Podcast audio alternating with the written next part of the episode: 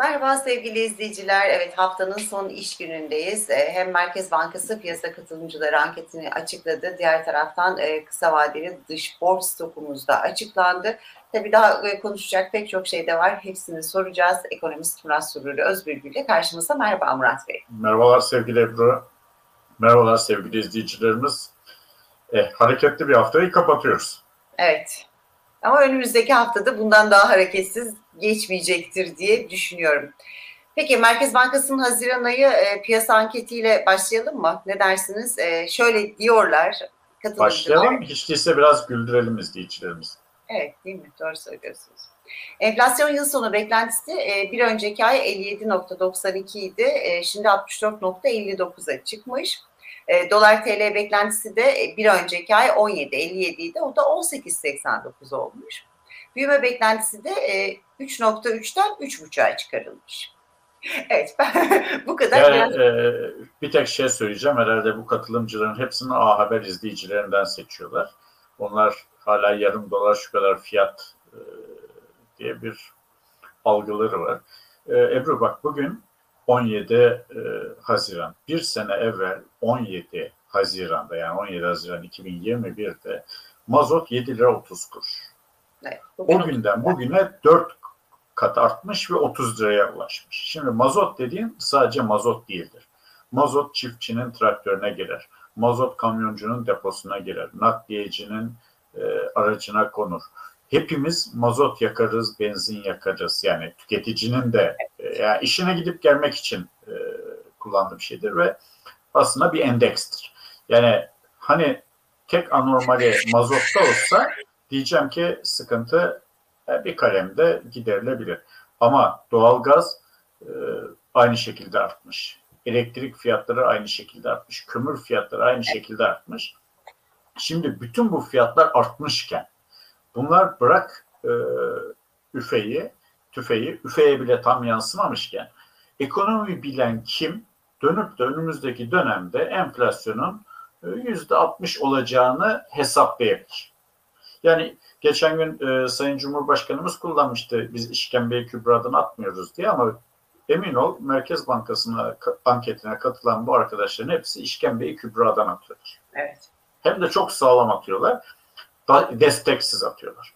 Şimdi e, ekonomi hesap kitap işidir. Ekonometri yani e, ekonomi e, ölçümler yapmak ve geleceğe yönelik öngörülerde bulunmak çok çok zor bir iştir.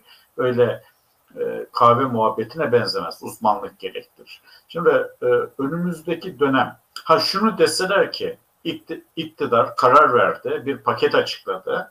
Bu paket anti enflasyonist politikalar içeriyor. Enflasyon durduracak kararlı ve ciddi önlemler var.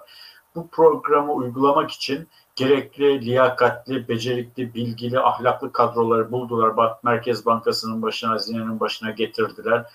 Politikayı ekonominin içerisinden çıkardılar. Bundan sonra bu paket uygulanacak Kemal Derviş'in uyguladığı gibi. Ondan sonra bunu paket uygulayacak sağlam bir kaynak da buldular IMF'den ve benzeri bir kuruluş. Yani gerçi IMF dışında hiçbir kuruluştan bulamazlar böyle bir kaynağı. E, ciddi bir enflasyona mücadele programı var ortada. Enflasyon düşecek deseler ona da amenna diyeceğim. Yani başarılı olur olmaz ama hiç değilse başarılı olacağını umut ediyorlar. Ona göre hesap yapıyorlar diyeceğim. Yahu kardeşim ortada enflasyonla mücadeleye yönelik bir plan, program yok.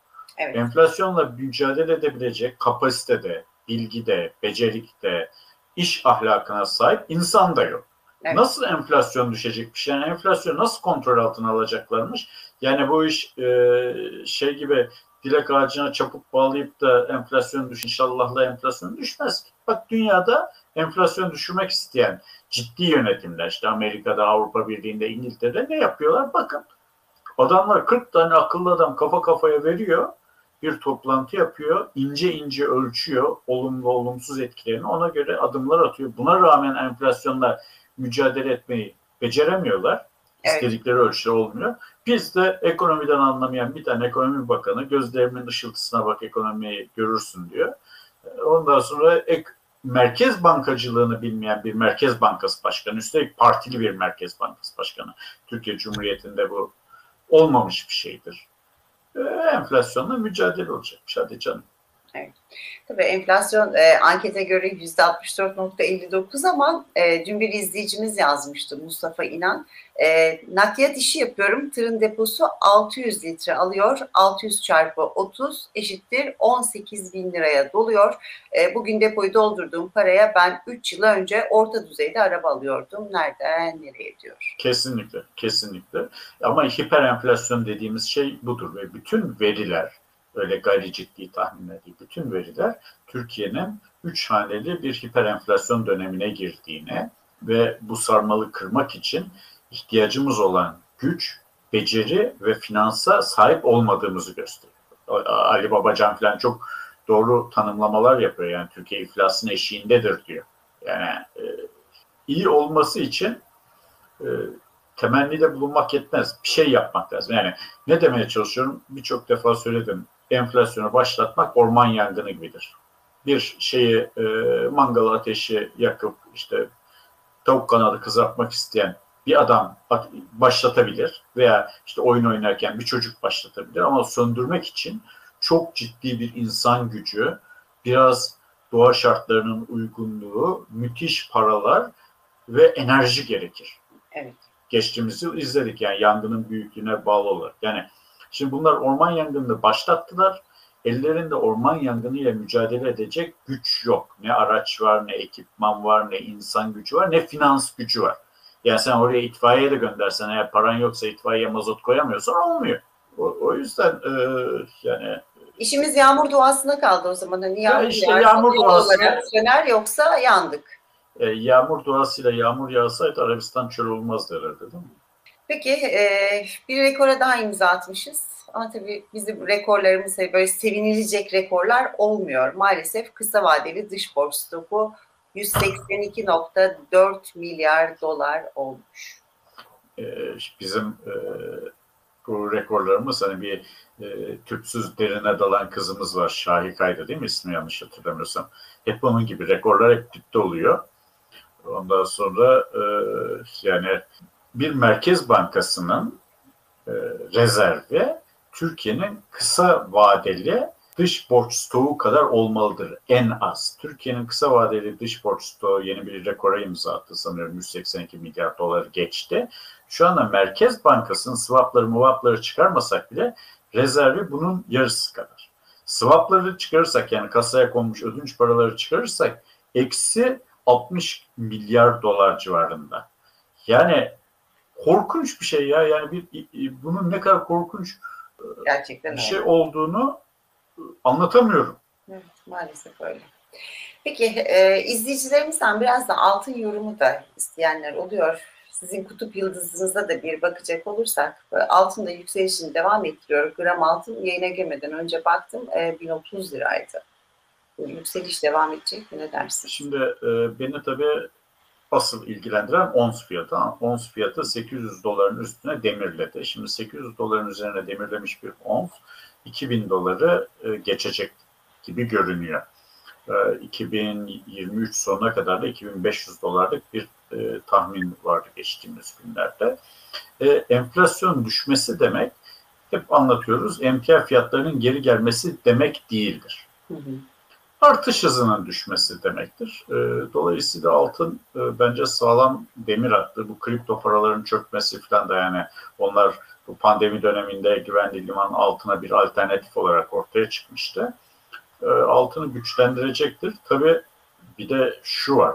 Bu enflasyonla mücadelenin yol açacağı sonuçlar, işte resesyon riski, işte resesyonu görüp tekrar gevşeme politikalarına dönebilirler mi? Çünkü bu neoliberal kapitalist ekonomi yapısı itibariyle fevkalade zorda. Yani 2008 krizi hala aşılabilmiş değil Ebru. Ee, o dalga dalga geliyor. Yani krizler böyle zaten kapitalizmin doğasında vardır ama e, neoliberal çözümlerde bu daha şiddetlendi dalgalar. Yani altın ons bazında artacak. E, dövizin artacağı kesin. Dövizin artacağı kesin olunca iki taraftan gelecek etkiyle artacaktır. Ama ben e, gene de enflasyondan muzdarip olan e, izleyicilerimize şunu söylüyorum. E, tamam nakit ihtiyacınızı altın olarak tutabilirsiniz, döviz olarak tutabilirsiniz. Hatta şimdi bazı bankalar dövize böyle kısa vadede bile yüzde beş gibi faizler uyguluyor. Evet. E, ama emtia falan. Yani ne demeye çalışıyorum? E, bir izleyicimiz sormuştu ya hocam hep anlatıyorsun anlatıyorsun da ne yapacağımızı anlatmıyorsun demişti. Ya ne yapacağınız çok basit. Kendinizi enflasyondan korumak istiyorsanız nakdinizi e, enflasyondan daha az etkilenen para birimleri, dolar, euro gibi para birimleriyle altında tutacaksınız. Nakit ihtiyacınızı. Likittir o çünkü. Yani ihtiyacınız olduğu anda dakikasında e, paraya çevrilebilir. Evet. Bunun üstünü menkul ve gayrimenkul malda tutacaksınız. Ticaret yapıyorsan stoğunu arttıracaksın, stok alacaksın. Çünkü bir daha bu fiyatı alamayacaksın. Ticaret yapmıyorsan ve paran belli bir şeydeyse, büyüklüğün üzerindeyse gayrimenkule gireceksin. Ee, eğer aileler e, bu gayrimenkul alabilecek, tek başına gayrimenkul, uygun bir gayrimenkul alabilecek güçte değillerse e, yani 4-5 aile, 4-5 arkadaş birleşip bir gayrimenkule yatırım amaçlı girebilirler. Bak geçen gün e, bir endeks var. Yani Türkiye'de gayrimenkul balonu var mı diye soran bir arkadaş da görmüştüm. Gerçi bunlar hafta sonunda değiniriz ama e, şimdi enflasyonun bu mazotun yüzde 300 arttığı bir yerde emlak fiyatlarının ortalama yüzde 100 artmış olması anormal değildir. Burada herkes e, biraz şeyden konuşuyor böyle ezbere konuşuyor. Böyle enflasyonun gerçek enflasyonun üstünde artan e, bir emlak fiyatı yok ama kupon güzel, doğru fiyattan emlak alırsan servetin durur ama hiç bilmiyorsan işte çamaşır deterjanını al, bulaşık deterjanını al, işte pirincini al, ununu al. Yani böyle kolay bozulmayacak. Ama Evet. gelecekte ihtiyacın olacak şeyleri al. Çünkü gelecekte bu fiyatı alamayacaksın. Ee, ama gelirin enflasyon oranında artmayacak gibi görünüyor. Peki çok teşekkür ediyorum o zaman hem size hem de vakit ayırıp bizi izleyen izleyicilerimize. Yarın görüşmek üzere. Görüşmek üzere.